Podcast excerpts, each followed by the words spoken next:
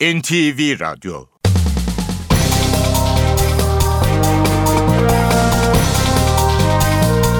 İşe Giderken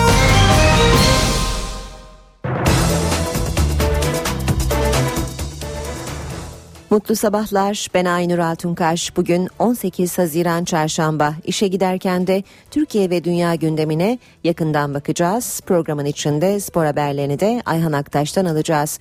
Gündemin başlıklarıyla başlayalım. Malezya açıklarında 97 yolcu taşıyan gemi battı. 61 yolcu kayıp, arama kurtarma çalışmaları başlatıldı. Tikrit Kerkük yolunda aralarında 15 Türk'ün de bulunduğu 60 işçinin IŞİD tarafından kaçırıldığı iddia edildi. Kadın ve çocuğa şiddet, cinsel istismar, hırsızlık ve uyuşturucu. Bu dört büyük suçta cezalar katlanıyor. Yargıtay kanunu sil baştan değişiyor. Başbakan Tayyip Erdoğan'ın makam aracı ve ofisinde dinleme cihazı bulunmasına ilişkin operasyonda Başbakanın eski koruma müdürünün de aralarında bulunduğu 11 kişi gözaltında. Basketbol Federasyonu Fenerbahçe'ye Ülker Arena'daki olaylar nedeniyle para cezası verince Galatasaray yönetimi Beko Basketbol Ligi'nde oynanacak son maça çıkmama kararı aldı. İşe Giderken gazetelerin gündemi Başbakan Erdoğan'ın makam aracı ve ofisinde dinleme cihazları bulunması ile ilgili olarak başlatılan operasyon bugün hemen hemen tüm gazetelerde manşetlerde karşımıza çıkıyor. Hürriyette bir numaralı koruma gözaltında demiş e, manşet. Başbakan Erdoğan'ın 2012'de çalışma ofisimde böcek bulundu açıklamasından sonra başlatılan soruşturmada eski koruma müdürleri dahil 11 kişi gözaltına alındı. Erdoğan'ın gölgesi ve kara kutusu eski koruma müdürü Zeki Bulut'un yanı sıra dönemin Koruma Daire Başkanı Emniyet Müdürü Mehmet Yüksel'in de aralarında bulunduğu 11 polisin evlerinde arama yapıldı. Raporu değiştirmemi istediler diyerek istifa eden eski TÜBİTAK Bilgem Daire Başkanı Hasan Palaz'la TÜBİTAK ve MİT'ten iki görevli daha ifadeye çağrıldı. Yüksek koruma uygulandı şüphelilere kelepçe yok. Terör ekiplerinin gözaltına alınanlarla ilgili yüksek güvenlik önlemleri almaları dikkat çekti diyor Hürriyet. Gözaltına alınan aralarında emniyet müdürlerinin de bulunduğu kişilere kelepçe takılmadığı görüldü. Temde sorguya alınan şüphelilerle ilgili 3 günlük gözaltı kararı bulunduğu öğrenildi. Hürriyet gazetesinden yine aktarmaya devam edelim. Meydanlarda her şeyi görürüz. Partisinin meclis grubunda Ekmelettin İhsanoğlu'nun çatı adaylığına hiç değinmeyen Başbakan Erdoğan soru üzerine şöyle dedi. O konuda konuşmama gerek yok. Henüz adaylar belli olmadı. Onu meydanlarda her şeyi görürüz. Ondan sonra konuşuruz. En güzel değerlendirmeyi bu konuda millet yapar. Millete bırakalım değerlendirmeyi millet yapsın. Hürriyetten yine bir başlık Galatasaray maça çıkmıyor. Galatasaray Live Hospital yarın Fenerbahçe Ülker'le oynayacağı Basketbol Ligi Playoff serisinin final maçına çıkmama kararı aldı. Bu haberi Milliyet'te de görüyoruz. Potada ezeli restleşme başlığıyla basketbolda final serisinin son maçı için Galatasaray tarihi bir karar aldı. Başkan Ünal Aysal Fenerbahçe ile yarın oynanacak maça can güvenliğini hiçe sayan ve hukuka, hukuku ayaklar altına alan kararlar nedeniyle çıkmayacaklarını açıkladı. Fenerbahçe ise ezeli rakibini korkaklıkla suçlayarak Fransa ve Belçika başta olmak üzere istedikleri her yerde oynamaya hazırız açıklamasını yaptı. Sarı Kırmızılı yönetimin maça çıkmama kararı sosyal medyada en çok konuşulan olaylar arasına girerken e, camiada bazı isimlerden maça çıkmamak bize yakışmaz eleştirisi geldi. Dünya Kupası'ndan bir haberle devam edelim. 40 yıl sonra ilk düdük Dünya Kupası tarihinde Doğan Babacan'ın 1974'te yönettiği mücadelenin ardından ilk kez bir Türk hakem düdük çaldı. Cüneyt Çakır dün oynanan Brezilya-Meksika maçını başarıyla yönetti. Kupaya ev sahipliği yapan Yıldızlar topluluğu Brezilya mücadelede birçok pozisyondan faydalanamayınca maç 0-0 berabere bitti. Milliyetin manşeti de yine böcek operasyonu. Başbakanın korumalarına böcek sorgusu yanı başında 12 şüpheli diyor haberin başlığı. Erdoğan'ın makamı ve konutunda bulunan dinleme cihazları ile ilgili olarak 2012'de en yakınındaki korumaları gözaltına alındı. Koruma müdürünün Çukurambar'daki evine giden ekipler ayrıntılı arama yaptı. 3 saat süren aramanın ardından polis siteden çantalarla ayrıldı. Savcılık soruşturmasının başbakanlık ekibinde de görev almış ve ismi gizli tutulan tanıkların böceklerle ilgili ifadelerinden yola çıkılarak başlatıldığı öğrenildi. IŞİD 15 Türk'ü daha kaçırdı diyor Milliyet. Irak'ın Selahattin kentine bağlı Doğr ilçesiyle Kerkük arasındaki bir Türk firmasına ait 100 yataklı hastane inşaatında çalışan 60 işçinin dün akşam IŞİD tarafından kaçırıldığı bilgisine yer veriyor Milliyet haberinde.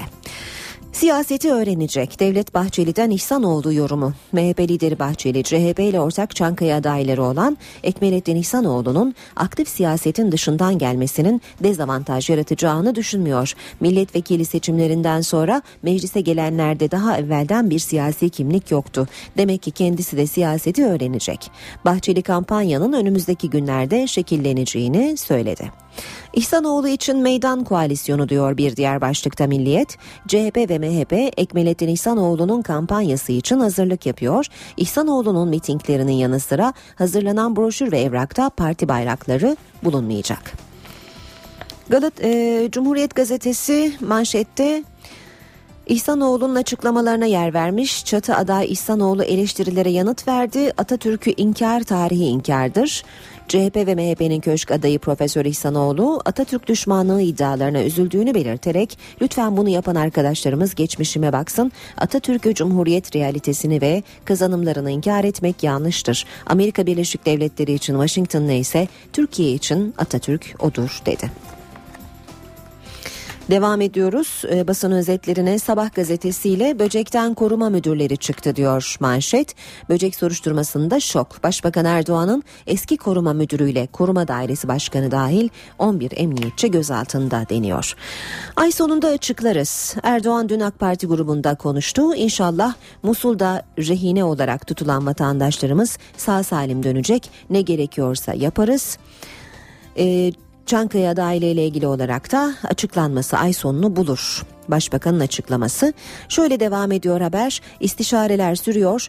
Bugün topta sivil toplum kuruluşlarıyla toplantımız olacak sonra TESK'le ve yine sivil toplum kuruluşlarıyla toplantılar yapılacak. Bu toplantıları bitirmemiz lazım. Diğer taraftan da ekiplerimizin yaptığı ayrı çalışmalar var. Bunların da nihayete ermesi gerekiyor.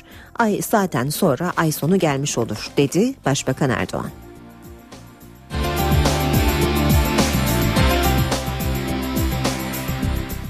Geçelim Radikal Gazetesi'ne. Rahatsız ama aday olmayacak.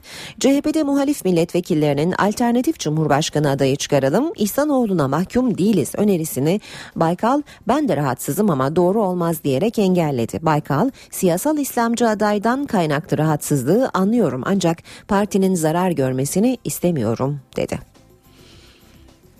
Star gazetesi paralel örgütü 6 ilde operasyon diyor. İhanet böceklerine casusluk baskını manşetiyle vermiş böcek operasyonu ile ilgili haberlerini. Habertürk gazetesi de yakın gözaltı diyor. Başbakan Erdoğan'ın eski yakın korumalarından dördü müdür 11 polis şefi örgüt ve casusluktan yakalandı. Devam edelim e, Habertürk gazetesinden haberlere. Avukatlık için sınav şartı geldi. Avukatlığa başlamak için sınav zorunluluğu getirildi. 70 puanı alan staj yapabilecek. Yeni Şafak gazetesi 300 euroluk odada gözaltı diyor. Böcek ekibine ilk dalga Başbakan Erdoğan'ın ev ve ofisinde bulunan böceklerle ilgili soruşturma yürüten savcılığın 5 ilde operasyon yaptığını aktarıyor okurlarına Yeni Şafak. Sürmanşette Türkmen dramı var. IŞİD'in işgal ettiği Telafer'den kaçan 170 bin Türkmen açlık tehlikesiyle karşı karşıya. Çoğu peşmerge kontrolündeki Sincar kentindeki kampa sığınan sivillere ilk yardımı Türkiye ulaştırdı. En büyük sıkıntı ise temiz su bulamamak deniyor haberin ayrıntılarında. Zaman gazetesi iki buçuk yıl sonra yeni TÜBİTAK'ın raporuyla gözaltı demiş. Başbakanın ofisinde polisin bulamadığı cihazı eliyle koymuş gibi bulan MIT yeni TÜBİTAK'a rapor yazdırdı diye devam ediyor Zaman gazetesi haberinde. Saat 7.15 NTV Radyo'da işe giderken gündemin ayrıntılarıyla sürüyor. Sınırlarımızın dışından bir e, sıcak haberi aktaralım. 97 kaçak göçmeni taşıyan bir tekne Malezya açıklarında battı. 66 kişi kayıp. Endonezya'dan yola çıkan ve 97 kaçağı taşıyan tekne Malezya açıklarında battı. Aralarında kadın ve çocukların da bulunduğu 66 kaçak göçmen denizde kayboldu. Bölgede arama kurtarma çalışmaları sürüyor. NTV Radyo Tikrit Kerkük yolunda aralarında 15 Türk'ün de bulunduğu 60 işçinin IŞİD tarafından kaçırıldığı iddia edildi. Anadolu Ajansı'na açıklama yapan Iraklı bir işçi, Tikrit'teki çatışmalardan kaçmak için Süleymaniye'ye doğru yola çıkan ve aralarında 15 Türk'ün de bulunduğu 100 işçinin IŞİD militanları tarafından önünün kesildiğini söyledi. Irak kökenli işçilerin serbest bırakıldığını anlatan işçi, yabancıların ise alıkonduğunu söyledi. Aralarında mühendislerin de olduğu 15 Türk'ün Tikrit'te özel bir hastanenin inşaatında çalıştığı ve Türkiye'ye dönebilmek için Süleymaniye'ye gitmeye çalıştıkları öne sürüldü. Türkiye tedbir amacıyla Basra Başkonsolosluğunu boşalttı. Açıklamayı Dışişleri Bakanı Ahmet Davutoğlu yaptı. 15'i özel harekatçı toplam 18 kişi güvenli şekilde Kuveyt'e geçirildi. Kuveyt'teki personelin bugün Türkiye'ye gelmesi bekleniyor. Basra Başkonsolosluğu tahliye edildi. Dışişleri Bakanı Ahmet Davutoğlu bilgiyi sosyal medya hesabından duyurdu. Başkonsolos, 2 muavin ve 15 özel harekatçıdan oluşan toplam 18 personel Kuveyt'e geçti. Dışişleri Bakanlığı yetkileri tarihi için Türkiye'den destek gitmediğini, personelin konsolosluktaki mevcut zırhlı araçlarla Irak'ı terk ettiğini söyledi. Dışişleri Bakanlığı da bu tarihten önce Irak'ta riskli iller listesine Musul, Kerkük, Selahattin, Ambar, Diyala ve Bağdat'ın ardından Basra'yı da eklemiş, derhal ayrılın uyarısı yapmıştı. Basra'ya tarifeli uçak seferleri sürüyor. Bağdat Büyükelçiliği için ise şimdilik bir tarihe kararı yok. Türkiye'nin alıkonulan 49 konsolosluk personeli ve 31 tır şoförünün serbest kalması için çabaları da sürüyor. Dışişleri Bakanı Ahmet Davutoğlu, Suudi Arabistan ve Katar Dışişleri Bakanları ile görüştü. Gözler bir taraftan da Türkmenlerin yoğunluklu yaşadığı Telafer bölgesinde. Dışişleri Bakanlığı yetkilileri şehrin tamamen IŞİD'in elinde olmadığını ifade etti. Yetkililer bu kriz insani krize dönüşüyor diyerek uyardı. AFAD 20 bin kişilik yardım malzemesi gönderdi. Bölgesel Kürt yönetimi Kerkük petrollerini kendi boru hattına bağladı. Kürt yetkililer Kerkük'teki petrol dağıtım altyapısını Türkiye'ye petrol sevk eden boru hattına bağladığını açıkladı. Bu karar kenti geçen hafta ele geçiren Kürt yönetiminin Kerkük terminalinde toplanan petrolü kendi boru hattıyla Türkiye'ye aktarabileceği anlamına geliyor. Kerkük Ceyhan boru hattının hasar gördüğü Mart ayından bu yana Irak merkezi yönetimi tarafından Ceyhan'a petrol sevkiyatı yapılamıyordu. NTV Radyo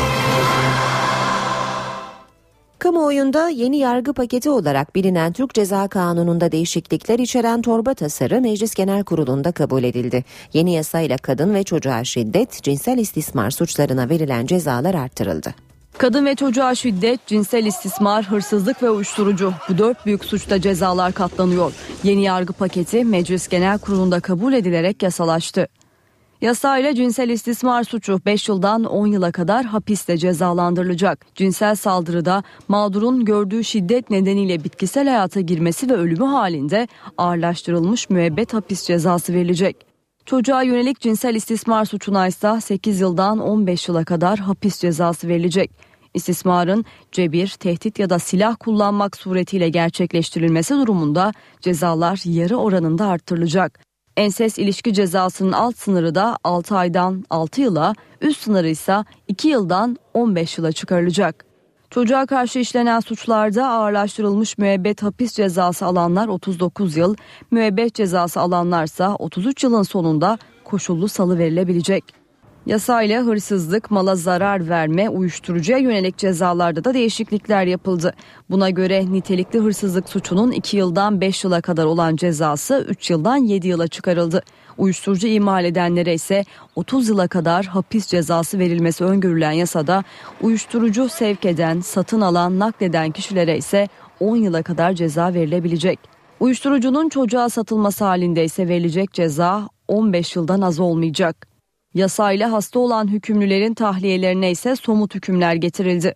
Cezanın geri bırakılma koşulu olarak toplum güvenliği bakımından tehlikelilikle ağır ve somut bir tehlike kriteri getirildi. Yapılan düzenleme ile ağır ve somut tehlike açıkça belirlenmediği ve gerekçelendirilmediği takdirde bu mahkumların cezasının infazı ertelenebilecek. Başbakan Tayyip Erdoğan'ın makam aracı ve ofisinde dinleme cihazı bulunmasına ilişkin soruşturmada savcı operasyon talimatı verdi. 12 noktada eş zamanlı arama yapıldı. Aralarında Başbakanın eski koruma müdürünün de bulunduğu 11 kişi gözaltında. Başbakan Erdoğan'ın makam aracı ve odasında bulunan dinleme cihazları ile ilgili soruşturmada Ankara Cumhuriyet Savcılığı düğmeye bastı. 5 ayrı kentte toplam 11 kişi gözaltına alındı. Gözaltına alınanların çoğu Başbakan Erdoğan'ın daha önce korunma çemberinde görev yapan önemli isimler. O isimlerden en dikkat çekeni ise Başbakanın uzun süre koruma müdürlüğünü yapan Emniyet Müdürü Zeki Bulut. Savcılık kararı gereği gözaltına alınan Zeki Bulut'un evinde uzun süre arama yapıldı. Terörle Mücadele Şubesi ekipleri evden bazı belgeleri taşıdıkları deli çantalarıyla ayrıldı. 4 yıl boyunca Başbakanın koruma müdürlüğünü yapan Zeki Bulut, 2012 yılı Eylül ayında Denizli İl Emniyet Müdürlüğüne atanmıştı. Bulut Şubat ayında merkeze alınmıştı. Operasyon kapsamında Başbakanın eski koruma daire başkanı Mehmet Yüksel de gözaltına alındı. Sadece Ankara'da değil, İstanbul, Diyarbakır, Karabük, Erzurum ve Yozgat'ta da eş zamanlı operasyonlar düzenlendi. Toplam 11 kişi gözaltına alındı. 12 kişilik gözaltı listesinde bulunan Serhat Demir'in ise yurt dışında olduğu belirlendi. Aramalar sırasında Erzurum Emniyet Müdürü Kamil Karabörk operasyon için Twitter'dan bugün rüzgar biraz sert, daha da sertleşecek galiba mesajını attı. Şüphelilerin Ankara Emniyet Müdürlüğü'ndeki polis sorgusunun ardından anayasal düzene karşı işlenen suçlarla yetkili savcılığa sevk edilmeleri bekleniyor. Ankara Cumhuriyet Başsavcılığı Anayasal Düzene Karşı işlenen Suçlar Bürosu TÜBİTAK'ta görevli bazı kişiler hakkında soruşturma başlattı. Soruşturma Ergenekon davası sanıklarından Hasan Ataman Yıldırım'ın ihbar mektubu üzerine başlatıldı. Mektupta 148 kişinin usulsüz bir şekilde TÜBİTAK'ta işe alındığı ve kadrolaşma yoluna gidildiği iddia edildi. Bazı TÜBİTAK görevlilerinin siyasi casusluk yaptığı ve hükümet üyelerinin telefonlarını dinlediği de iddialar arasında. NTV Radyo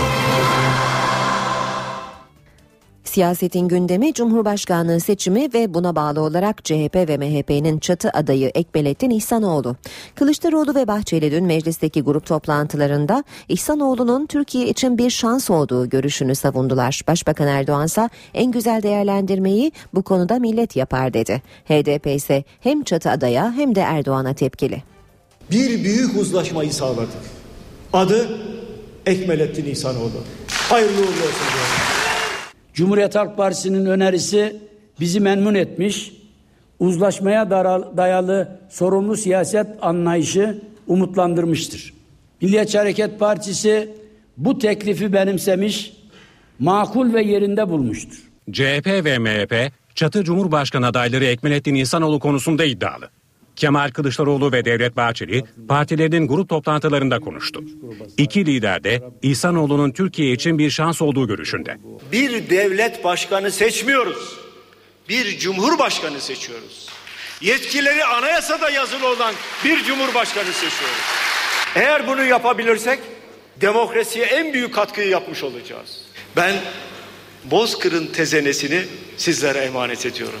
Sayın İhsanoğlu son derece mütevazi, Ali Cenab ve çelebi ruhlu bir bilim insanı, yetişmiş ve donanımlı bir değerimizdir.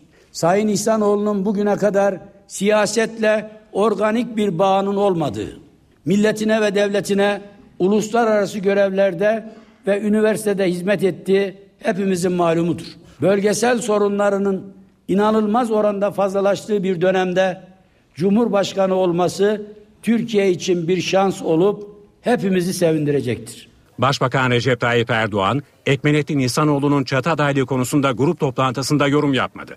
Gazeteciler sorunca da kısa bir yanıt verdi. Daha henüz adaylar belli olmadı. Konu meydanlarda artık her şeyi görürüz ondan sonra konuşuruz. En güzel değerlendirmeyi bu konuda millet yapar.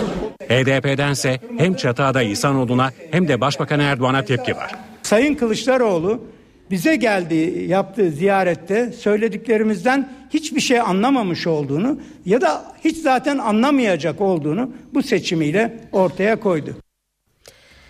CHP'de çatı aday tartışması çıktı. Ekmelettin İhsanoğlu'nun adaylığına karşı çıkan bir grup milletvekili grup toplantısına katılmadı. Aynı saatlerde mecliste bir araya gelen eski Genel Başkan Deniz Baykal'ın da aralarında bulunduğu muhalifler başka bir ismin aday gösterilmesini tartıştı. Cumhuriyet Halk Partisi'nde çatı aday tartışması yaşanıyor. Ekmelettin İhsanoğlu'nun adaylığına karşı çıkan milletvekilleri grup toplantısına katılmadı. Ön yargıları bir tarafa bırakacağız. Aramızda yaşa takılanlar da vardır. Eğer siz siyaseti böyle değil de kişisel kariyer üzerine inşa ediyorsanız bizim kitabımızda o yok. Genel Başkan Kemal Kılıçdaroğlu İhsanoğlu muhaliflerine mesajını bu sözlerle verdi. Aynı dakikalarda o isimler de mecliste farklı bir adreste bir aradaydı. Eski Genel Başkan Deniz Baykal, Nur Serter, Dilek Akagün gibi milletvekillerinin de aralarında olduğu grup başka bir ismin aday gösterilmesini tartıştı. Ama uzlaşı çıkmadı. Deniz Baykal da bu fikre sıcak bakmadı. İhsanoğlu'nun adaylığına karşı çıkan isimler bir bildiri yayınlamaya hazırlanıyor. Bildiride Ekmelettin İhsanoğlu'ndan vazgeçilmesi istenecek. Ayrıca adaylık belirleme sürecinin uzlaşmadan uzak yürütüldüğü ve siyasal İslam'ın kendilerine dayatıldığı vurgulanacak. Bildiride büyük kurultay çağrısı yapılması da ihtimaller arasında. Partide şimdilik bir istifanın söz konusu olmadığı belirtiliyor. İki gün konuşmayacağım. Sayın Kılıçdaroğlu'nun bu ismi çok uzun zamandan beri takip ettiğini ve bununla ilgili biyografisinden kendi çalışma alanlarıyla ilgili e, geniş bir bilgi sahibi olduğunu e, biliyorum. Benim siyasi partimin yetkili kurulları kimi aday gösterirse o adayı desteklemez düşer bize. Asıl olan fareyi yakalamaktır. Kedinin rengi önemli değildir. İhsanoğlu'nun propaganda sürecinde kendi ekibini kuracağı, MHP ve CHP genel başkanlarının ise ayrı ayrı toplantılarla kampanyaya destek vereceği belirtildi. Ekmelettin İhsanoğlu'nun adaylığı Cumhurbaşkanı Abdullah Gül'e de soruldu. Gül, Cumhurbaşkanı'nı halkın seçecek olmasının bu seçimleri farklı kıldığını söyledi. Tekirdağ gezisinde soruları yanıtlayan Gül, Irak'taki olayların bir mezhep çatışmasına dönüştüğüne de dikkat çekti. Cumhurbaşkanlığı seçimi Türkiye'nin şu anda esas gündemi. İlk defa halkın seçecek olması Cumhurbaşkanlığını e, bu sefer e, biraz daha farklı kılıyor. Tabii ki ben e, Cumhurbaşkanı olarak e, anayasa gereği siyaset üstü tavrımı sürdürmek zorundayım. Yani bu bir anayasa görevi. Ama şu da bir gerçek ki ben muhakkak ki AK Parti'nin kurucularındanım. Dolayısıyla kurucuyum ve bütün kademelerinde bulundum. Dolayısıyla bütün bu konuları biz kendi aramızda da şüphesiz ki değerlendireceğiz. Irak'taki çatışmalara da değinen Cumhurbaşkanı Gül, mezhep farklılıklarına dikkat çekti. Irak'taki ateşin nasıl e, bir iç çatışma, mezhep çatışması şeklinde e, maalesef geliştiğini görüyoruz. Bunlar çok üzücü, hep ders alınıcı şeylerdir. Bütün bunların Müslümanlar için de cereyan ediyor olması ise ayrı bir üzüntü kaynağı olması gerekir ve İslam diniyle ilgili imajında ne kadar bütün dünyada e, bozulduğuna e, üzülerek tabii görüyoruz. Başbakan Erdoğan Cumhurbaşkanı seçimiyle ilgili olarak bugün iş dünyasının görüşlerini alacak. Ankara'daki toplantıya Türkiye Odalar ve Borsalar Birliği, TÜSİAD, Türkiye İhracatçılar Meclisi, MÜSİAD ve ASKON yöneticileri katılacak. Erdoğan pazar günü de Milli İrade Platformu ile İstanbul'da buluşacak. AK Parti'nin Cumhurbaşkanı adayının ay sonunda açıklanması bekleniyor. Anayasa Mahkemesi'nin Twitter ve YouTube kararı ihtiyaç duyulan güveni tesis etmeye yönelik adımlardır. Bu açıklama Ankara'da temaslarda bulunan Avrupa Birliği'nin genişlemeden sorumlu üyesi Stefan Füle'ye ait. Füle egemen bir devletseniz ama HSYK gibi yasal düzenlemeler Avrupa Birliği ile danışılarak yapılmalı uyarısı da yaptı. Avrupa Birliği'nin genişlemeden sorumlu üyesi Stefan Füle Ankara'daydı. İki günlük ziyaretinde Cumhurbaşkanı Abdullah Gül, Dışişleri, Adalet, Avrupa Birliği bakanları ve sivil toplum örgütleriyle buluştu. Ama en dikkat çeken görüşmesi Anayasa Mahkemesi Başkanı Haşim Kılıçlı oldu. Son dönemde temel hak ve özgürlüklere saygı duymak, hukukun üstünlüğü konularında memnuniyet verici adımlar atıldı. Anayasa Mahkemesi'nin Twitter, YouTube ve HSYK kararlarını kastediyorum. Bunlar ihtiyaç duyulan güveni tesis etmek, kutuplaşmanın sona erdirilmesine yönelik adımlardır. Füle müzakere sürecinin yavaşladığını, Avrupa Birliği ile istişare edilmeyen değişiklikler Türkiye'nin Avrupa Birliği'nden uzaklaştığı algısını yarattı dedi. Onlardan biri de HSYK düzenlemesiydi. Adalet Bakanı Bekir Bozdağ'dan da bu açıklamalardan birkaç saat önce HSYK düzenlemesiyle ilgili öz eleştiri geldi. Son HSYK kanununun değişikliğinde bu noktada bir e, aksama olmuştur. Bundan sonraki süreçlerde bu tür aksamaların olmasına izin vermeyeceğiz. Füle'nin ziyaretinde birinci gündem 23. yani yargı ve temel haklar faslına dönük Rumların engelini kaldırmak, başlık açabilmek için neler yapılabilirdi? Füle, müzakerelere ivme kazandırılması gerektiği vurgusu yaptı. Malezya açıklarında 97 yolcu taşıyan gemi battı. 61 yolcu kayıp, arama kurtarma çalışmaları başlatıldı. Tikrit Kerkük yolunda aralarında 15 Türk'ün de bulunduğu 60 işçinin IŞİD tarafından kaçırıldığı iddia edildi. Kadın ve çocuğa şiddet, cinsel istismar, hırsızlık ve uyuşturucu. Bu dört büyük suçta cezalar katlanıyor. Yargıtay kanunu sil baştan değişiyor. Başbakan Tayyip Erdoğan'ın makam aracı ve ofisinde dinleme cihazı bulunmasına ilişkin operasyonda Başbakanın eski koruma müdürünün de aralarında bulunduğu 11 kişi gözaltında. Basketbol Federasyonu Fenerbahçe'ye Ülker Arena'daki olaylar nedeniyle para cezası verince Galatasaray yönetimi Beko Basketbol Ligi'nde oynanacak son maça çıkmama kararı aldı.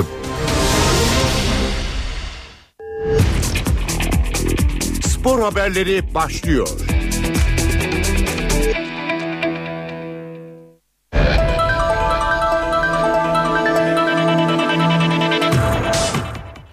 Günaydın ben Ayhan Aktaş spor gündeminden gelişmelerle birlikteyiz. Spor bültenimize Galatasaray yönetiminin dün aldığı tarihi kararla başlıyoruz. Sarı Kırmızılar Beko Basketbol Ligi playoff final serisinde Fenerbahçe Ülker'le oynanacak 7. maça çıkmama kararı aldı. Açıklamayı yapan kulüp başkanı Ünal Aysal erkek ve kadın basketbol takımlarının ligden çekilmesini de değerlendireceklerini söyledi. 100 yılı deviren ezeli rekabette bir ilk yaşanacak. Galatasaray Live Hospital'la Fenerbahçe Ülker arasında oynanacak playoff serisinin son maçı öncesinde tarihe geçecek bir karar alındı. Galatasaray Kulübü bu karşılaşmaya çıkmayacağını duyurdu. Açıklamayı Başkan Ünal Aysal yaptı. Can güvenliğini hiçe sayan ve hukuku ayaklar altına alan bu kararlar karşısında Galatasaray erkek basketbol takımı perşembe günkü maça çıkmayacaktır. Türkiye'ye basketbolu getiren kulübümüzün basketbol erkek ve bayan takımlarının önümüzdeki dönemde lig yarışından çekilmesi hususu da en yakın zamanda ilgili kurullarımızda değerlendirilecektir. Aysal aldıkları bu tarihi kararın nedenlerini de anlattı. Can güvenliğinin olmayacağı bir maçın seyircili oynatılması tek kelimeyle Türk sporuna ihanettir. Kimsenin arzulamadığı vahim sonuçlara yol açabilecek bu kararda uyarılarımıza rağmen ısrar edilmesi tam bir sorumsuzluk örneğidir. Bu maçın mutlaka şaibesiz bir hakem kadrosuyla ve seyircisiz oynatılması gerekirdi. Hukukun hakim olduğu ülkelerde spor dünyasının içinde olmaması gereken şike hükümlüsü bir şahsın kurulları ve hakemleri baskı altına alabildiği bir düzende sporda adaletten ve ahlaktan söz edilemez. Playoff boyunca verdiği kasıtlı kararlarla niyetini ortaya koyan ve şike sürecinde tapelerde adı geçen hakemin bu hayati maça atanması bile federasyonun iplerinin kimlerin elinde olduğunu göstermektedir. Galatasaray'ın maça çıkmamasıyla Fenerbahçe 20-0 hükmen galip sayılacak ve Beko Basketbol Ligi'nde şampiyonluğa ulaşacak.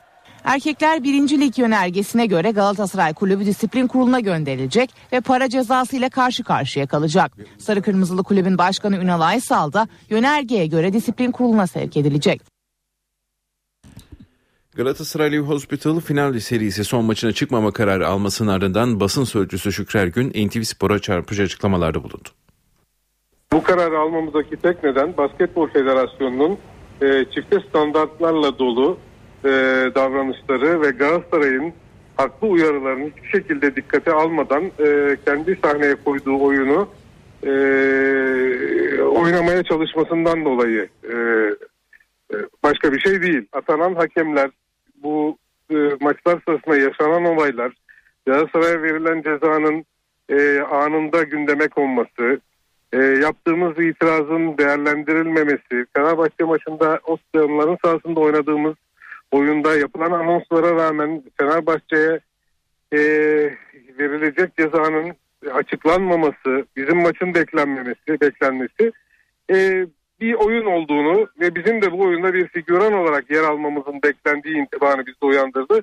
Ve Galatasaray böyle bir e, sahneye koyan konan tiyatroda figüran olmayı kabul etmiyor. Ligden de çekilebiliriz. Bundan sonra Türkiye Basketbol Ligi'nin nasıl bir lig olacağını, Galatasaray'sız oynandığı, oynandığı zaman bu ligin değerinin e, ne hale geleceğini Basketbol Federasyonu düşünsün. Avrupa şampiyonu olan bayan şubenizin de e, bu kararın içinde birlikte mi değerlendiriyoruz? Çelik'ten yani şubeyi kapatma E, noktasında. Tabii onu da bu paketin içinde düşünmek lazım. Güvenmediğimiz bir federasyonun e, organizasyonun içinde olmak istemeyeceğimizi, istemeyebileceğimizi söylüyor.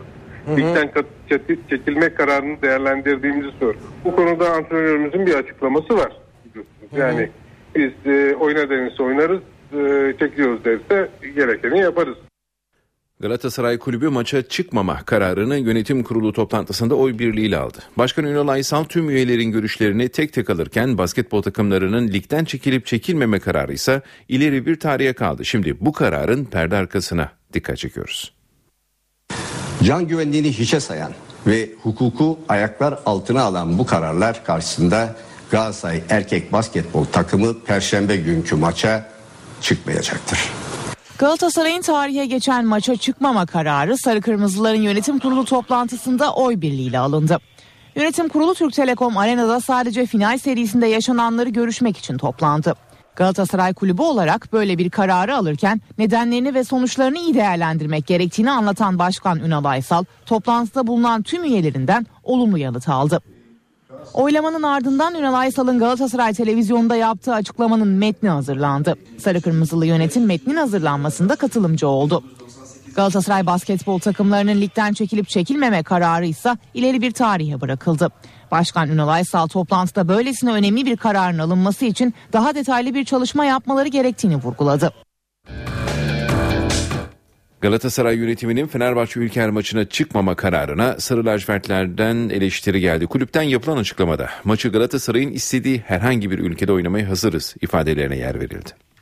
Ezeli rakibimiz ve ebedi dostumuzun Türkiye Beko Basketbol Ligi finalinde kulübümüze rakip olmamak için sahaya çıkmamayı tercih etmesi yolundaki kararını üzüntüyle öğrenmiş bulunmaktayız.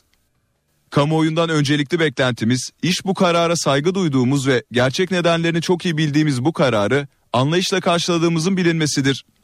Ebedi dostumuzu önerimiz güvenliklerini sağlayamamakla itham ederek küçük düşürdükleri bu devletin sınırları dışı da dahil ve hatta Fransa ve Belçika başta olmak üzere istedikleri her yerde bu müsabakayı oynamaya amade ve hazır olduğumuzun bilinmesidir. Gelinen noktada Fenerbahçe Spor Kulübü olarak karşı karşıya kaldığımız gerçek artık sadece bu kulübün yarıştığımız takımlarını değil bu kulübü yönetemeyen yöneticilerin korkularını da yenmek zorunda olduğumuz gerçeğidir. Galatasaray yönetiminin aldığı tarihi karara bir de yorum katalım. Doğayan spor yazarı Hıncal Uluç Galatasaray'ın Fenerbahçe maçına çıkmama kararına destek verdi. NTV Spor'u konuşan Uluç Sarı Kırmızılı kulübün tüm basketbol branşlarını da kapatması gerektiğini savundu. Bir spor yorumcusu değil bir Galatasaraylı olarak e, düşüncemi söyleyeyim. E, ben için Ünal Aysal ve yönetimi bütün günahlarını affettirdi. Bugüne kadar aldıkları en harikulade karardır. Federasyonun yaptığı bunca haksızlığa karşı Galatasaray'ın başvuracağı yer neresi? FIBA. FIBA'nın başında kim var? Bu federasyonun başkanı. Yani gerçekten bugün sorulması diyor ki hakkımızı arayacağız. Nerede arayacaksın? Kime kime şikayet ediyorsun? E, Bu Türkiye'de böyle bir spor teşkilatı var. Dışarıdaki teşkilat da bunun elindeyken Galatasaray'ın basketbol oynaması, basketbola para ayırması, basketbola zaman ayırması kadar ziyan bir şey yok. Yani ligden çekilme kararını da yerden göğe destekliyorum. Yani sadece kadın erkek takım değil 6 yaşından itibaren Galatasaray formalı hiçbir sporcu basketbol adına sahaya çıkmamalı. Bir küçülme değil yani siz branşların lağvedilmesinden bahsediyorsunuz. Basketbol branşını Galatasaray kapamalı. Çünkü dediğim gibi yani mücadelenin anlamı yok. Futbola geçiyoruz. Fenerbahçeli futbolcu Emre Belezoğlu Trabzonspor Didier Sokora'ya ırkçı söylemde bulunduğu gerekçesiyle yargılandığı davada 2 ay 15 gün hapis cezasına çarptırıldı. Yaklaşık 2 yıl süren dava sonunda mahkeme Emre Belezoğlu'nu spor alanında din, dil, ırk, etnik köken, cinsiyet veya mezhep farkı gözeterek hakaret suçunu işlediği gerekçesiyle 2 ay 15 gün hapis cezasına çarptırdı. Emre Belezoğlu'nun daha önce kasıtlı bir suçtan mahkum olmadığı ve yeniden suç işlemeyeceğine kanaat getirdiğini belirten hakim hükmün açıklanmasını geri bıraktı. Çaykur Rizespor Teknik Direktör arayışlarını sürdürüyor. Karadeniz ekibi bugün Mehmet Özdirek'le bir görüşme yapacak. Tarafların anlaşması durumunda imzalar atılacak. Ve Dünya Kupası'na göz atıyoruz. Dünya Kupası H grubunda heyecan Belçika Cezayir maçıyla dün başladı. Turnuvanın gizli favorisi olarak gösterilen Belçika ilk yarısını geride kapadığı maçta Cezayir'i Fellani ve Mentes'in golleriyle 2-1 yenmeyi başardı. Diğer maçta A grubunda Cüneyt Çakır'ın yönettiği maçta ev sahibi Brezilya ile Meksika golsüz berabere kaldı. Böylece her iki takım da puanını dörde çıkardı. Günün programına da göz atalım. B grubu ve A grubunda maçlar var. B grubu maçları saat 19'da Avustralya Hollanda maçıyla başlayacak. Ardından 22'de İspanya Şili yine B grubu mücadelesine karşı karşıya geliyor. A grubu maçı ise gece 01'de Kamerun'la Hırvatistan arasında oynanacak. Beko Basketbol Ligi'nde normal sezonu 9. sırada bitiren Trabzonspor Medical Park FIBA tarafından Euro Challenge kupasına dahil edildi. Beko Basketbol Ligi playofflarına kalamayan Trabzonspor Medical Park FIBA tarafından Euro Challenge kupasına alındı. Son yıllarda basketbola önemli yatırımlar yapan ve 1. Ligin kalıcı takımlarından birisi olmayı hedefleyen Trabzonspor bu gelişmenin ardından Avrupa kupalarında mücadele edecek. Bu haberimizle spor bültenimizi tamamlıyoruz. İyi günler diliyoruz. NTV Radyo Herkese yeniden günaydın ben Aynur Altunkaş. İşe giderken haberler birazdan devam edecek. Az önce İstanbul'da bir kaza olduğunu söylemiştik. Bir düzeltme yapalım. Fatih Sultan Mehmet Köprüsü Anadolu Avrupa yönünde meydana gelen zincirleme bir kaza var. Erken saatlerde yer yer hafif yağmurlar gördü İstanbullular. Ee, yağmurun da kazaya sebep olmuş olma e, olasılığı da var tabii. İstanbul genelinde e, küçük çapta birkaç e, kaza daha olduğu haberini aldık. E, bir başka kaza da e, Ali Beyköy tünel girişinde meydana geldi. E, hem köprü trafiğinin hem de e, şehir içinde bazı ana arterlerin yoğun olduğunu söyleyelim. Ayrıntıları birazdan aktaracağız. Önce gündemin başlıklarını hatırlayalım. Sonra da hava durumuna bakalım. Malezya açıklarında 97 yolcu taşıyan gemi battı. 61 yolcu kayıp, arama kurtarma çalışmaları başlatıldı.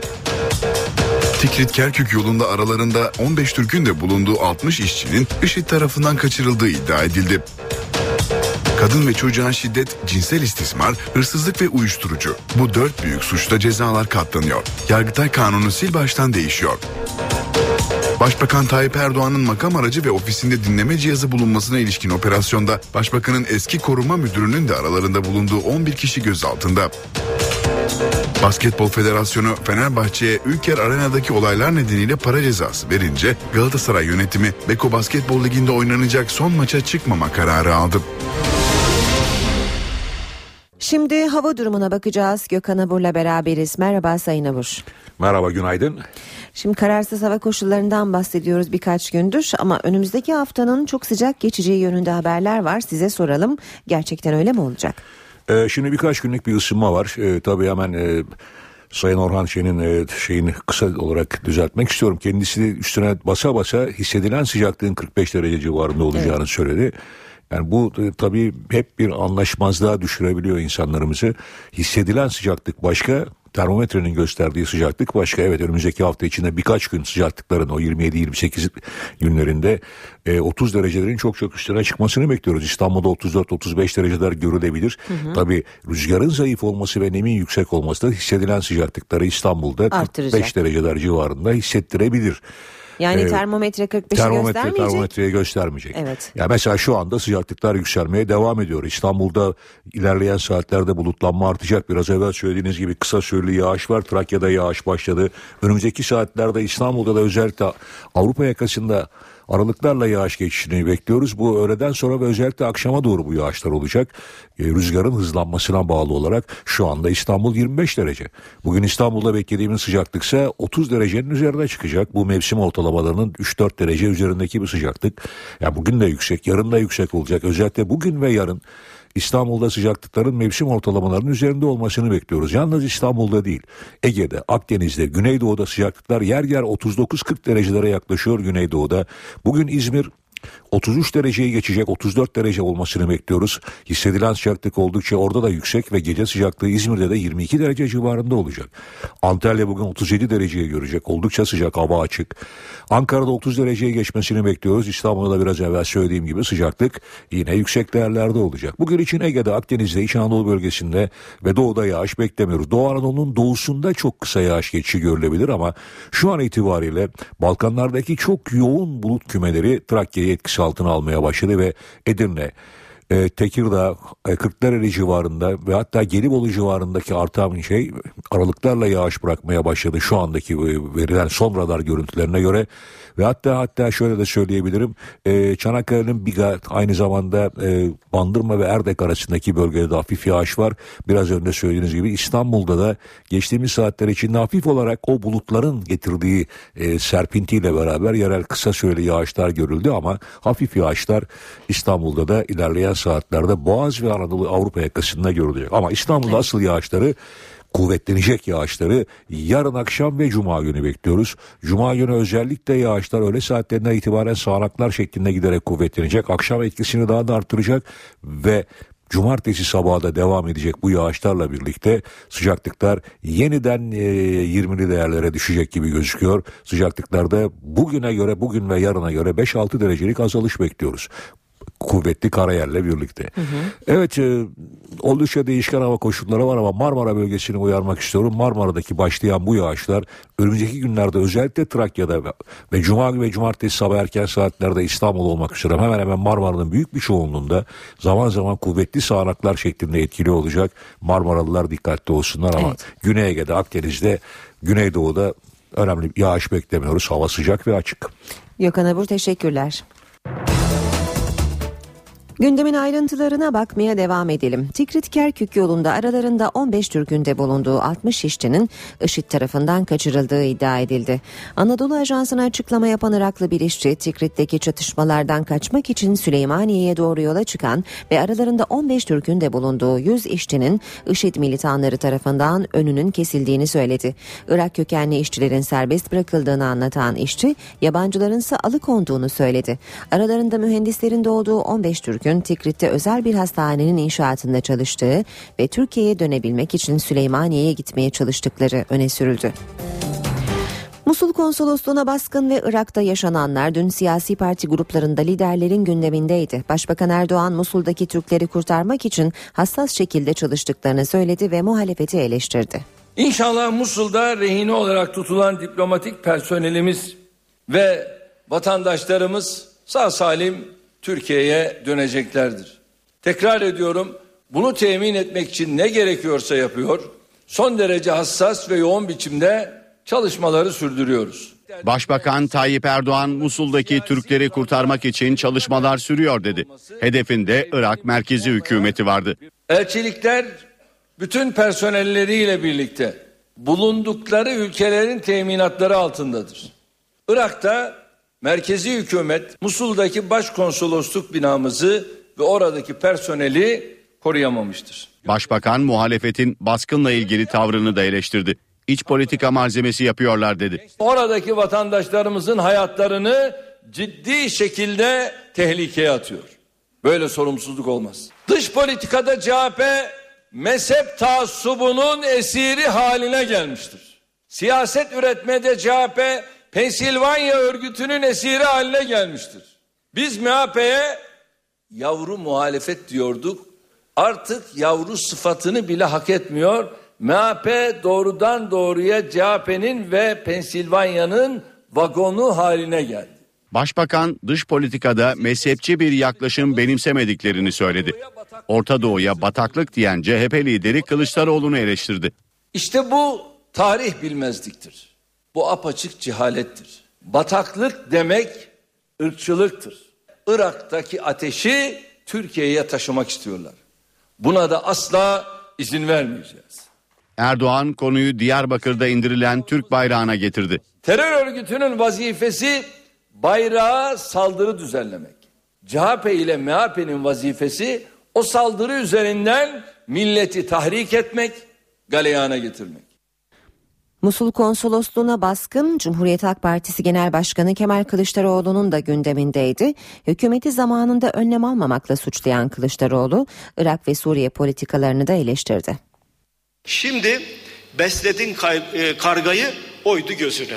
Hep beraber geldiğimiz nokta bu. CHP Genel Başkanı Kemal Kılıçdaroğlu grup toplantısında konuştu. Musul'da alıkonulan Türkleri hatırlattı, hükümeti zamanında önlem almamakla suçladı. Irak üçe bölünüyor adamın haberi bile yok. Emin olun Türk Hava Yolları yönetimi bu hükümetten daha sağduyulu, daha dikkatli çalışıyor. Çünkü o Musul'a olan seferlerini Musul'un gerçeğini görerek yeniden düzenledi. Bunlar o gerçeği görmediler. Kılıçdaroğlu defalarca uyardık ama dinlemediler dedi. Hükümetin Suriye ve Irak politikasını eleştirdi. Hükümetin konsolosluk baskını üzerinden kahramanlık çıkarmaya çalıştığını iddia etti. Efendim bunları serbest bırakacaklar. Elbette serbest bırakacaklar. Elbette biz, biz onların hepsini biliyoruz. Bir kahramanlık hikayesi yaratmak istiyorlar. Sen kim, kahraman kim? Demiş ki Orta Doğu bataklık değil demiş. Orta Doğu bataklığından kastettiğimiz oradaki bir bataklık değil. Sen orayı bataklığa çevirdin. Biz onu anlatıyoruz. Grup toplantısında Ergenekon davasından geçtiğimiz günlerde tarihi olan gazeteci Tuncay Özkan da CHP'ye katıldı. Rozetini Genel Başkan Kemal Kılıçdaroğlu taktı. MHP Genel Başkanı Devlet Bahçeli de Irak Şam İslam Devleti örgütünün Türkiye'ye kafa tuttuğunu söyledi ve bundan hükümeti sorumlu tuttu. AKP'nin düne kadar biberonla beslediği IŞİD ayakları üstünde durduktan sonra sahibine dirsek vurmuş, kendi ikbal ve geleceği açısından yeni efendilerinin eteğinden tutmuştur. Şu hazin ve hüsran verici duruma bakınız ki IŞİD Türkiye'ye kafa tutmaktadır. IŞİD Türkiye'ye aracılar vasıtasıyla pazarlık yapmanın peşindedir. MHP Genel Başkanı Devlet Bahçeli'nin gündeminde Musul'da IŞİD tarafından kaçırılan Türkler vardı. Bahçeli yaşananlardan hükümeti sorumlu tuttu. Hükümetin Türk vatandaşlarının güvende olduğu yönündeki açıklamalarına tepki gösterdi. Yaşadığımız rezalet, karşılaşmadığımız musibet kalmamışken bu zevat bize ne anlatmaya çalışmaktadır? IŞİD 49 vatandaşımızla birlikte 31 şoförümüz için Musul civarında Survivor yarışması düzenlemiştir de biz mi kaçırdık?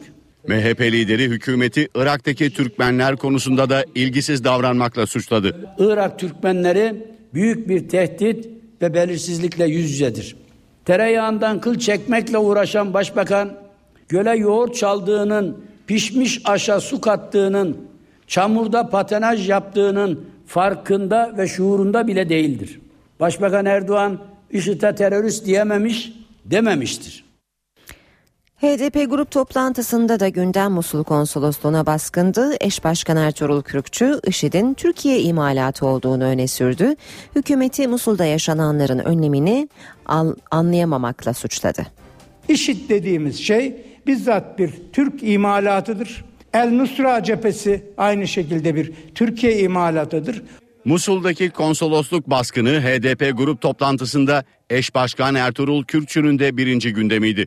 Kürkçü hükümeti suçladı. Hükümet e, bu herhangi bir terör saldırısıdır e, diyerek geçiştirme eğiliminde bir devletin başına gelebilecek en vahim e, tablolardan bir tanesi. HDP eş başkanı Kürkçü, Irak'ın üçe parçalanmak üzere olduğunu belirterek Türkiye'nin Suriye ve Irak'ta izlediği politikayı eleştirdi.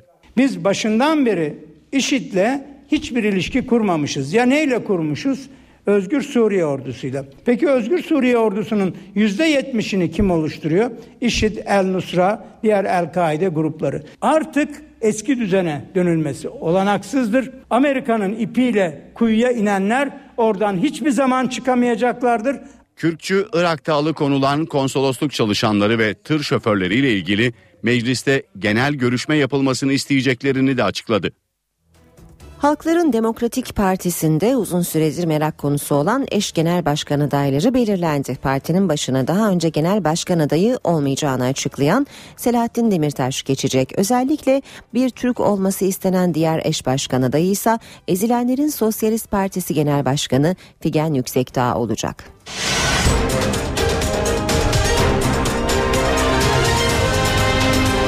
NTV Radyo, Türkiye'nin haber radyosu. Soma'da 301 işçinin hayatını kaybettiği madenin sahibi Alp Gürkan'ın iş adamı Korkmaz Yiğit'le birlikte suç örgütü üyesi olmak suçundan yargılanmasına başlandı. Tasarruf Mevduatı Sigorta Fonu ilk duruşmadan önce Alp Gürkan'ın tüm mal varlığına tedbir koydu. Soma'da 301 işçinin hayatını kaybettiği madenin sahibi Alp Gürkan'ın tüm mal varlığına tedbir konuldu. Gürkan iş adamı Korkmaz Yiğit'in tasarruf mevduatı sigorta kurumundan mal kaçırmasına yardım etmekle suçlanıyor. Korkmaz Yiğit ve Alp Gürkan'ın suç örgütü üyesi olmakla yargılandıkları davanın ilk duruşması İstanbul 12. Ağır Ceza Mahkemesi'nde görüldü. Duruşmaya Alp Gürkan katılmadı.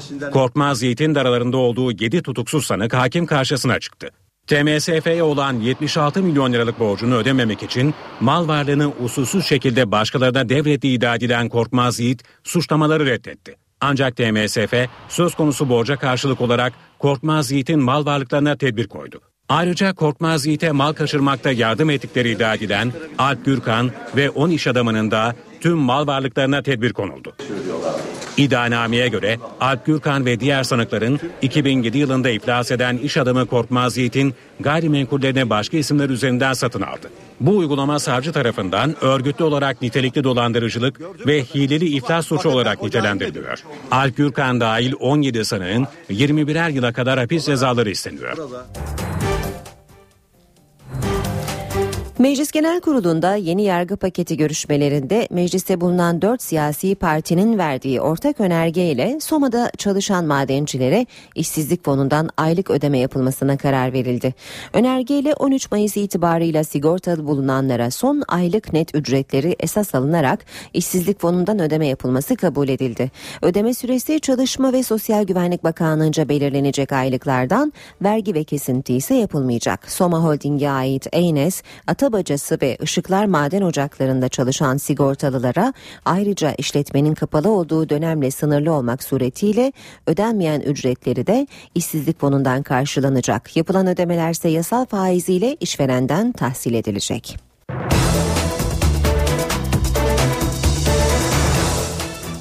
İşe giderken de beraberiz 8.23'ü gösteriyor saat. Irak'ta yaşanan sıcak gelişmeler ve Cumhurbaşkanlığı seçimi Türkiye'nin iki önemli gündem maddesi. Şimdi başkente uzanacağız ve gündemi Murat Barış Koralp'ten alacağız. Murat günaydın seni dinliyoruz. Günaydın Aynur. Bugünün yine bir numaralı gündem maddesi Musul'da kaçırılan 81 Türk vatandaşının durumu. Yakından takip ediyor olacak Ankara'nın bir numaralı gündem maddesi Musul olacak bugün yine. Ayrıca Ankara gündeminde önemli toplantılar var. Bilim ve Teknoloji Yüksek Kurulu toplantısı Başbakan Erdoğan başkanlığında yapılacak. Bu toplantıya Kalkınma Bakanı Cevdet Yılmaz, Maliye Bakanı Mehmet Şimşek ve Orman ve Su İşleri Bakanı Veysel Eroğlu da katılacak. Bu toplantının ardından Bilim ve Teknoloji Kurulu toplantısının ardındansa Başbakan Erdoğan köşk istişarelerine devam edecek. Daha önce kongre delegeleri, milletvekilleri, il başkanları ve belediye başkanlarında yani parti içinde bir istişareler toplantısı yapmıştı. Parti dışına ilk kez çıkıyor Başbakan Erdoğan ve iş dünyasının temsilcileriyle bir araya gelecek. TOP, TÜSİAD, Türkiye İhracatçılar Meclisi, Müştiyat ve ASKON yöneticileri katılacak bu toplantıya. Başbakan Erdoğan burada Cumhurbaşkanlığı adaylığı konusunda AK Parti'nin Cumhurbaşkanı adayı konusunda iç dünyasının nabzını tutacak. Muhalefet cephesinde de önemli bir toplantı var. CHP Merkez Yürütme Kurulu Genel Başkan Kemal Kılıçdaroğlu başkanlığında toplanacak. CHP ve MHP'nin çatı aday olarak Ekmelettin İhsanoğlu'nu belirtmesinin ardından Cumhuriyet Halk Partisi'nde farklı sesler duyulmaya başlanmıştı. Bu isme muhalif olan kesimler ortaya çıkmıştı. Bu toplantıda en geniş katılımlı şekliyle CHP Merkez Yürütme Kurulu'nda Ekmelettin İhsanoğlu'nun adaylığının da masaya yatırılması bekleniyor. Meclis Genel Kurulu yeni yargı paketinin kabul edilmesinin ardından Çanakkale Savaşları Gelibolu Tarihi Alan Başkanlığı kurulması hakkındaki kanun tasarısını ele alacak. Plan ve Bütçe Komisyonu'nda da önemli bir mesai devam ediyor. Soma faciasının ardından gündeme gelen ve taşeron işçiliği yeniden düzenleyen torba yasanın görüşmeleri Plan Bütçe Komisyonu'nda devam ediyor olacak. Meclis ayrıca, mecliste ayrıca Soma Maden Kazasını Araştırma Komisyonu da çalışmalarına devam edecek. Ankara Cumhuriyet Savcılığı tarafından Başbakan Erdoğan'ın makam aracı ve ofisinde dinleme cihazı bulunmasına ilişkin yürütülen böcek soruşturmasında dün gözaltına alınan 11 kişinin sorguları Ankara Emniyetinde devam ediyor. Gözaltına alınan 11 kişinin sorgularının ardından bugün adliyeye sevk edilmesi bekleniyor. Bu gözaltına alınan isimler arasında dönemin e, başbakanın en yakın koruma müdürü olarak görev yapan isminde olması dikkat çekici. Ankara gündeminde son olarak 12 Eylül davası var. Eski Cumhurbaşkanı Kenan Evren ve dönemin Hava Kuvvetleri Komutanı Tahsin Şahinkaya'nın müebbet hapisle yargılandığı davaya bugün devam edilecek. Aynur.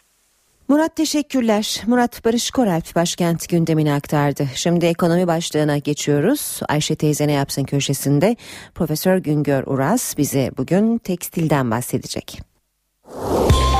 Ayşe teyze ne yapsın? Güngör Uras, Ayşe teyze ekonomide olan biteni anlatıyor. Merhaba sayın dinleyenler, merhaba Ayşe Hanım teyze, merhaba Ali Rıza Bey amca. 2013 yılında tekstil ve giyim sanayinin ihracatı 27 milyar dolar oldu. Buna karşılık tekstil ve giyim sanayi 2013 yılında 12 milyar dolar ithalat yaptı.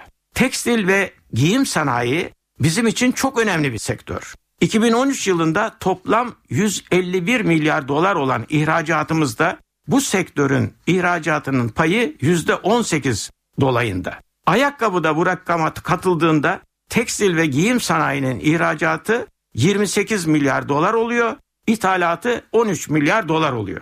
Açık anlatımıyla sektörün net döviz getirisi 15 milyar dolar dolayında. Tekstil ve giyim sanayi bizim için önemli bir sanayi sektörü. Pamuktan, yünden, ipekten ve sentetik elyaftan başlıyor. Sonra iplik, dokuma diye devam ediyor. En sonunda da dokunan kumaştan giyim eşyası oluşuyor. Her kademede önemli yatırımlar var. Her kademede çok sayıda istihdam var. Tekstil ve giyim sanayi ilk yıllarda yerli pamuğu, yerli yünü, yerli elyafı işleyerek sanayi sektörü olarak çok önemli ve önde koşan bir sektörümüzdü. Ama giderek ithal girdi kullanır oldu. Yerli pamuk, yün, elyaf yetmez olunca yerli iplik ve dokumadan ithal dokumaya geçtik. İthalat artmaya başladı. Tekstil ve giyim sanayi sanayileşmenin ilk aşaması. Sanayileşmeye başlayan her ülke bu sektörü destekliyor. Sanayileşmeye başlayan her ülkede işçilik ucuz, bunun yanında devlet destekleri var. Fiyatlar aşağıda tutuluyor. Böylece dünya pazarlarında rekabet imkanı sağlanıyor. İplik ve bezde Asya ülkelerinin dumpingli fiyatları bizde bu sektörde ithalatın artmasına, yerli sanayi tesislerinin boş dururken dumpingli ve kalitesiz ürün ithalatına kapı açtı. Bunun üzerine koruma gümrükleriyle ithalata belli sınırlamalar getirildi. Bizim en önemli sanayi sektörümüzde istihdam yoğun, yerli girdi imkanı olan tekstil ve giyim sektöründe sektörün ihracatının yarısı kadar ithalat yapılması önemli bir durumdur, önemli bir tablodur. Ana girdilerden pamuk ve pamuklu dokumada, sentetik filamentlerde, liflerde ithalat rakamları çok yüksek. Dokuma kumaştan üretilen giyim eşyasında 5 milyar dolar ihracata karşılık 2 milyar dolara yakın değerde giyim eşyası ithal ediyoruz. En ilginç tablo ise ayakkabı sektöründe. Türkiye'de ayakkabı üretiminde ileri bir sektöre sahibiz ama 2013 yılında 720 milyon dolarlık ihracata karşılık ülkeye 990 milyon dolarlık ayakkabı ithal ettik. Görülüyor ki sadece sektörün üretimindeki gelişmesine ve ihracat rakamlarına bakmak yetmiyor. Sektörlerin ithalat büyüklüğü de çok önem taşıyor. Bir başka söyleşi de birlikte olmak ümidiyle şen ve esen kalın sayın dinleyenler. Güngör Uras'a sormak istediklerinizi ntvradio.ntv.com.tr adresine yazabilirsiniz.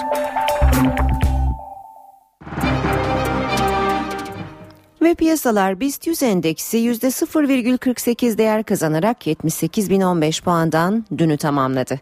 Bu sabah dolar 2.15, euro 2.81'de işlem görüyor. Euro dolar 1.35 dolar yen 102 seviyesinde. Altının onsu 1268 dolar, Brent petrolün varili 113 dolar. Kapalı çarşıda ise külçe altının gramı 88, çeyrek altın 154 liradan işlem görüyor. Malezya açıklarında 97 yolcu taşıyan gemi battı. 61 yolcu kayıp, arama kurtarma çalışmaları başlatıldı. Tikrit Kerkük yolunda aralarında 15 Türk'ün de bulunduğu 60 işçinin IŞİD tarafından kaçırıldığı iddia edildi. Kadın ve çocuğa şiddet, cinsel istismar, hırsızlık ve uyuşturucu. Bu dört büyük suçta cezalar katlanıyor. Yargıtay kanunu sil baştan değişiyor. Başbakan Tayyip Erdoğan'ın makam aracı ve ofisinde dinleme cihazı bulunmasına ilişkin operasyonda Başbakanın eski koruma müdürünün de aralarında bulunduğu 11 kişi gözaltında. Basketbol Federasyonu Fenerbahçe'ye Ülker Arena'daki olaylar nedeniyle para cezası verince Galatasaray yönetimi Beko Basketbol Ligi'nde oynanacak son maça çıkmama kararı aldı. Gündemde öne çıkan diğer gelişmelere bakalım. Salih Üstün yüz nakli için ameliyat olan hastalardan biriydi. Dün Üstün'ün nakledilen yüzünün bir bölümünün geri alındığını haber vermiştik. Ameliyatı yapan Doktor Ömer Özkan bunun nedenlerini anlattı. Bu karar vermeseydik hastayı kaybedebilirdik dedi. Çok erken dönemde de belki böyle bir karar alabilirdik. Ama o dönemde bu kadar kritik değil ama şu anda bile bu kararı vermek önemli bir karar. Yani riskli bir kararı verdik. Ama biliyoruz ki biz bu karar vermesek hastayı 10-15 gün içerisinde mutlaka yine kaybedebilirdik.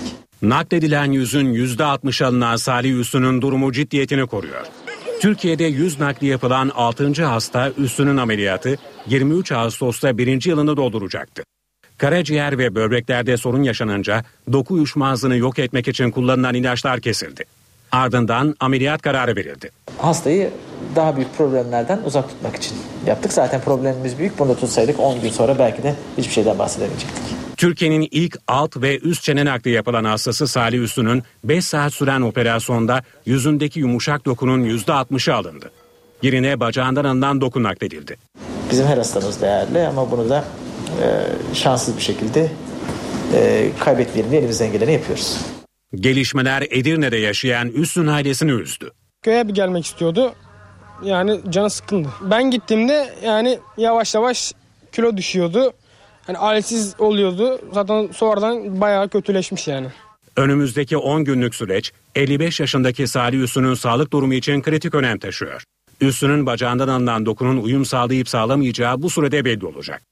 Kayseri'nin Talas ilçesinde 8 aylık hamile kadın balkondan halı silkelerken düştü. Genç kadın karnındaki bebeğiyle öldü. 33 yaşındaki Sibel Kaya 11. kattaki evlerinin balkonundan halı silkelerken dengesini kaybetti. Beton zemine düşen hamile kadın olay yerinde öldü. Kadının karnındaki erkek bebek sezaryenle alındı ancak o da hayatını kaybetti. Kadının eşinin olay sırasında evde olduğunu belirleyen polis görgü tanıklarının ifadesine başvurdu. Görgü tanıkları düşen kadını balkonda balkonda halı silkelerken gördüklerini söyledi. Adana'da 6 yaşındaki Gizem Akdeniz'i öldürmekle suçlanan akrabası Süleyman Akdeniz hakkında hazırlanan iddianame kabul edildi. Adana 7. Ağır Ceza Mahkemesi'nde kabul edilen iddianamede sanığın Gizem'i pikniğe götürüyorum diye kandırdığı belirtildi. İddianameyi hazırlayan Cumhuriyet Savcısı katil zanlısının canavarca hisle öldürme suçundan yargılanmasını talep etti. Sanık için ağırlaştırılmış müebbet ve 26 yıl hapis cezası isteniyor. İddianamede olayla ilgili dikkat çeken bir ayrıntı da var. Sanığın ifadesinin aksine cinsel saldırıda bulunduğu belirtildi. Başkentliler teleferikle buluştu. Ankara Büyükşehir Belediyesi tarafından yapılan yeni mahalle Şentepe teleferik hattı Ankaralıların kullanımına açıldı. Başkentliler teleferikte buluştu. Projenin yeni mahalle Şentepe etabı hizmete girdi. Teleferiğin açılışını Ankara Büyükşehir Belediye Başkanı Melih Gökçek yaptı. Gökçek 4 güzergahta daha aynı sistemin kurulacağını ve hattın ücretsiz olacağını söyledi. Kısmet olursa önümüzdeki 5 sene içerisinde 4 en az 4 ayrı istikamette de aynı şekilde teleferiklerle hareket edeceğiz. 51 milyon liraya mal olan yeni mahalle Şentepe teleferiğiyle günde 86 bin kişinin taşınması bekleniyor. Türk sinemasının emektar yazar ve senaristlerinden Ayşe Şasa son yolculuğuna uğurlandı. Şasa sevilen eserleriyle Yeşilçam'ın unutulmaz yazarlarındandı. Gramofon Avrat, Murat'ın Türküsü, Ah Güzel İstanbul. Ayşe Şasa, Türk sinemasının unutulmaz senaryolarına imza attı. Uzun süredir gözlerden uzak bir yaşam süren Şasa, 73 yaşında zatürreye yenildi. Fatih Camii'nde düzenlenen cenaze törenine Milli Eğitim Bakanı Nabi Avcı, Profesör Doktor İlber Ortaylı ve Başbakan Recep Tayyip Erdoğan'ın kızı Esra Albayrak da katıldı. Çok büyük bir kayıp. Yani hayat hikayesi hepimize ibret olacak bir hayat hikayesi. Çok zorlu bir yaşam. Ayşe Şasa 1963 yılında tanışmıştı Yeşilçam'la. Sinema kadar edebiyat camiasında da kabul gördü. Atıf Yılmaz, Kemal Tahir gibi isimlerle yakın dostluk kurdu. Ancak gençlik yıllarından beri yaşadığı psikolojik sorunlar nedeniyle 10 yıl boyunca inzivaya çekildi. Hayatının son yıllarında tasavvufa ilgi duymaya başlayan Şasa, 1993'te sinema ile ilgili denemelerini Yeşilçam Günlüğü adıyla yayınladı. Son eseri olan Delilik Ülkesi'nden notlar 2003'te yayınlandı. Ayşe Şasa, Saray Cedid Mezarlığı'nda defnedildi. Yazar Buket Uzuner Yunuslara özgürlük talebini meclise taşıdı. Meclis Çevre Komisyonu gündeminde bulunan Hayvanları Koruma Kanunu'nun değiştirilmesine dair kanun tasarısı metninden Yunus parkları ve hayvanlı sirklerin yasaklanmasına dair maddenin son anda çıkarılması üzerine yazar Uzuner komisyon üyelerine birer mektup gönderdi. Uzuner mektubunda söz konusu tesislerin hayvanların korunması gözetilerek ivedilikle kapatılmasını istedi. Buket Uzuner Bodrum Yunus Parkı'nın kapatılması için Yunuslara Özgürlük platformuyla topladıkları 40 bin imzayı da 20 Haziran'da Bodrum Belediye Başkanı ve Kaymakamına iletmeye hazırlanıyor. Nuri Bilge Ceylan imzalı Kış Uykusu vizyona 13 Haziran'da girmişti. Peki film ilk hafta sonu ne kadar gişe yaptı? Listedeki diğer filmler hangileri? İşte hafta sonu rakamlarına göre gişe raporu. 86. Cannes Film Festivali'nin yıldızı Altın Palmiye ödüllü Kış Uykusu gişede de iyi bir başlangıç yaptı. Şimdi siz bize biraz şey edebilirseniz yani en azından şu tahliye davasını durdursalar. Nuri Bilge Ceylan imzalı film haftanın en çok izlenen üçüncü filmi oldu. Haluk Bilginer, Demet Akbağ ve Melisa Sözen'in başrollerini paylaştığı filmi ilk iki günde 43.495 kişi izledi. Sen acı çekmemek için kendini kandırmayı tercih ediyorsun. Nuri Bilge Ceylan'ın Bir Zamanlar Anadolu'da adlı bir önceki filmini toplamda 161.181 kişi izlemişti. Allahsız mısın? Ne acı? Why don't you? I had wings once. Listenin ikinci sırasında Malefiz var. 100 yıl uyuyan güzel masalının farklı bir yorumu olan filmde Angelina Jolie kötü kalpli bir cadıyı oynuyor. Filmi bir haftada 288.259 kişi izledi.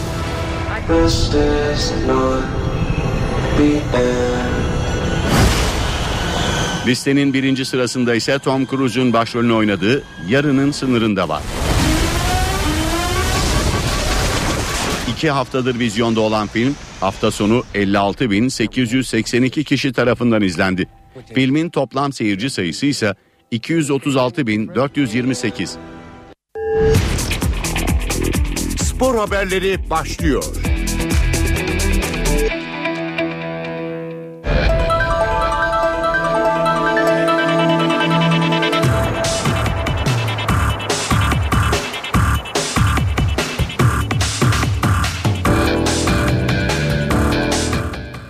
Bir kez daha günaydın. Ben Ayhan Aktaş. Spor gündeminden gelişmelerle birlikteyiz. Galatasaray yönetimi tarihi bir karar aldı. Sarı Kırmızılar Beko Basketbol Ligi playoff final serisinde Fenerbahçe Ülker'le oynanacak 7. maça çıkmama kararı aldı. Açıklama yapan kulüp başkanı Ünal Aysal erkek ve kadın basketbol takımlarının ligden çekilmesine de değerlendireceklerini söyledi. Yüzyılı deviren ezeli rekabette bir ilk yaşanacak. Galatasaray Live Hospital'la Fenerbahçe Ülker arasında oynanacak playoff serisinin son maçı öncesinde tarihe geçecek bir karar alındı. Galatasaray Kulübü bu karşılaşmaya çıkmayacağını duyurdu. Açıklamayı Başkan Ünal Aysal yaptı. Can güvenliğini hiçe sayan ve hukuku ayaklar altına alan bu kararlar karşısında Galatasaray erkek basketbol takımı perşembe günkü maça çıkmayacaktır. Türkiye'ye basketbolu getiren kulübümüzün basketbol erkek ve bayan takımlarının önümüzdeki dönemde lig yarışından çekilmesi hususu da en yakın zamanda ilgili kurullarımızda değerlendirilecektir. Aysal aldıkları bu tarihi kararın nedenlerini de anlattı. Can güvenliğinin olmayacağı bir maçın seyircili oynatılması tek kelimeyle Türk sporuna ihanettir. Kimsenin arzulamadığı vahim sonuçlara yol açabilecek bu kararda uyarılarımıza rağmen ısrar edilmesi tam bir sorumsuzluk örneğidir. Bu maçın mutlaka şaibesiz bir hakem kadrosuyla ve seyircisiz oynatılması gerekirdi. Hukukun hakim olduğu ülkelerde spor dünyasının içinde olmaması gereken şike hükümlüsü bir şahsın kurulları ve hakemleri baskı altına alabildiği bir düzende sporda adaletten ve ahlaktan söz edilemez. Playoff boyunca verdiği kasıtlı kararlarla niyetini ortaya koyan ve şike sürecinde tapelerde adı geçen hakemin bu hayati maça atanması bile federasyonun iplerinin kimlerin elinde olduğunu göstermektedir. Galatasaray'ın maça çıkmamasıyla Fenerbahçe 20-0 hükmen galip sayılacak ve Beko Basketbol Ligi'nde şampiyonluğa ulaşacak. Erkekler 1. Lig yönergesine göre Galatasaray Kulübü Disiplin Kurulu'na gönderilecek ve para cezası ile karşı karşıya kalacak. Sarı Kırmızılı Kulübün Başkanı Ünal Aysal da yönergeye göre Disiplin Kurulu'na sevk edilecek. Galatasaray Hospital takımının oyuncularıyla Sarı Kırmızılı Kulübün basketbol şubesi yöneticileri bugün bir değerlendirme toplantısı yapacak. Galatasaray'da özellikle yabancı basketbolcuların alınan karar hakkında fazla bilgiye sahip olmadıkları kaydediliyor. Sarı Kırmızılı oyuncular bundan sonraki aşamalar konusunda da belirsizlik yaşıyor. Bu nedenle kulüpte basketbol şubesiyle ilgilenen yöneticiler ve oyuncular arasında öğleden sonra bir zirve gerçekleştirilmesi bekleniyor. Toplantıda yöneticilerin konu hakkında basketbolcuları bilgilendireceği ve durum değerlendirmesi yapacağı belirtildi. Galatasaray yönetiminin Fenerbahçe Ülker maçına çıkmama kararına Sarı lacivertlerden eleştiri geldi. Kulüpten yapılan açıklamada maçı Galatasaray'ın istediği herhangi bir ülkede oynamaya hazırız ifadelerine yer verildi. Ezeli rakibimiz ve ebedi dostumuzun Türkiye Beko Basketbol Ligi finalinde kulübümüze rakip olmamak için sahaya çıkmamayı tercih etmesi yolundaki kararını üzüntüyle öğrenmiş bulunmaktayız. Kamuoyundan öncelikli beklentimiz iş bu karara saygı duyduğumuz ve gerçek nedenlerini çok iyi bildiğimiz bu kararı anlayışla karşıladığımızın bilinmesidir. Ebedi dostumuzu önerimiz güvenliklerini sağlayamamakla itham ederek küçük düşürdükleri bu devletin sınırları dışı da dahil ve hatta Fransa ve Belçika başta olmak üzere istedikleri her yerde bu müsabakayı oynamaya amade ve hazır olduğumuzun bilinmesidir. Gelinen noktada Fenerbahçe Spor Kulübü olarak karşı karşıya kaldığımız gerçek artık sadece bu kulübün yarıştığımız takımlarını değil, bu kulübü yönetemeyen yöneticilerin korkularını da yenmek zorunda olduğumuz gerçeğidir. Eski milli basketbolcu ve spor yazarı Ahmet Kurt Galatasaray'ın Fenerbahçe maçına çıkmama kararını değerlendirdi. NTV Spor'a konuşan Kurt hem ezeli rakipleri hem de Basketbol Federasyonu'nu sert bir dille eleştirdi. Böyle bir şey uygulayacaklarını zannetmiyorum. Çünkü e, bir kere sağduyu e, galebe çalıp sahaya çıkacaklarını umuyorum. E, bu başkan açıklamış e, sanıyorum. Bu başkanı da aşar. Çünkü Galatasaray kulübüdür burası. Galatasaray kulübünün sahaya çıkmayıp final maçına çıkmayıp e, finali kaybetmeyi kabul etmesi genel kurul kararıyla bile zor yapılır. Bir başkanın kararıyla olacak şey değildir. Ancak bu tabi e, bugün Galatasaray'a karşı gibi algılanmasın. Bu rezaletin son perdesi. Yani bu oyun final serisinin ilk başından başladı. Galatasaray, Fenerbahçe al birini vur ötekine. Galatasaray yöneticisi, Fenerbahçe yöneticisi ikisi birbirinden beter. Bu yüzden bence başkan da şapkasını önüne koyacaktır ve bu tarihe geçecek rezaleti e, sebebiyet vermeyip sahaya çıkacaktır. Federasyon burada çok basiretsiz davrandığı da yarın ortaya çıkacak. Esas federasyonun basiretini Galatasaray sahaya çıkmazsa göreceğiz. Çünkü Galatasaray sahaya çıkmazsa alınacak önlemler nelerdir şimdiden açıklaması lazım. Demesi lazım ki sizi finalist saymayız. O zaman bir alttaki kategorideki filan yani Avrupa, Avrupa Ligi'ne bu gider. Sen Euro Lig'e gidemeyeceğini, kulübü şubeyi kapatabileceğini genel kurul kararı olmadan başkan da yapamaz. Ve Dünya Kupası'na geçiyoruz. Dünya Kupası E grubunda heyecan Belçika Cezayir maçıyla dün başladı. Turnuvanın gizli favorisi olarak gösterilen Belçika ilk yarısını geride kapadığı maçta Cezayir'i Felliani ve Mertens'in golleriyle 2-1 yenmeyi başardı. Diğer maç A grubundaydı. Cüneyt Çakır'ı yönettiği maçta ev sahibi Brezilya ile Meksika golsüz berabere kaldı. Böylece her iki takım da puanını 4'e çıkardı. Dünya Kupası'na heyecan 3 maçla devam edecek. Program şöyle B grubunda Avustralya Hollanda saat 19'a karşı karşıya gelecek. Diğer maç yine B grubunda İspanya ile Şili arasında saat 22'de son mücadele ise A grubu. Maçı Kamerun'la Hırvatistan arasında gece 1'de başlayacak. Wimbledon tenis turnuvasında ülkemizi temsil eden Marcel İlhan ön elemede ikinci turu da geçti. Kadınlarda ise Çağla Büyük Akşay ilk turda elendi. Marcel İlhan ikinci ön eleme turunda Hırvat tenisçi Androic ile karşılaştı. Milli tenisçimiz setleri 6-3 ve 6-4 ile kazanarak 3. tura yükseldi. Marcel İlhan turnuvada perşembe günü Tunuslu Malek Jaziri ile karşılaşacak. Marcel bu maçı da kazanırsa ana tabloya kalacak. Kadınlarda ülkemizi temsil eden Çağla Büyük Akşay ise Wimbledon'a erken veda etti. Tem tenisçimiz birinci ön eleme turunda Avustralyalı rakibi Ashley Barty'ye 6-1 ve 6-2'lik setlerle yenilerek elendi. Bu haberimizde spor bültenimizi tamamlıyoruz. İyi günler diliyoruz. NTV Radyo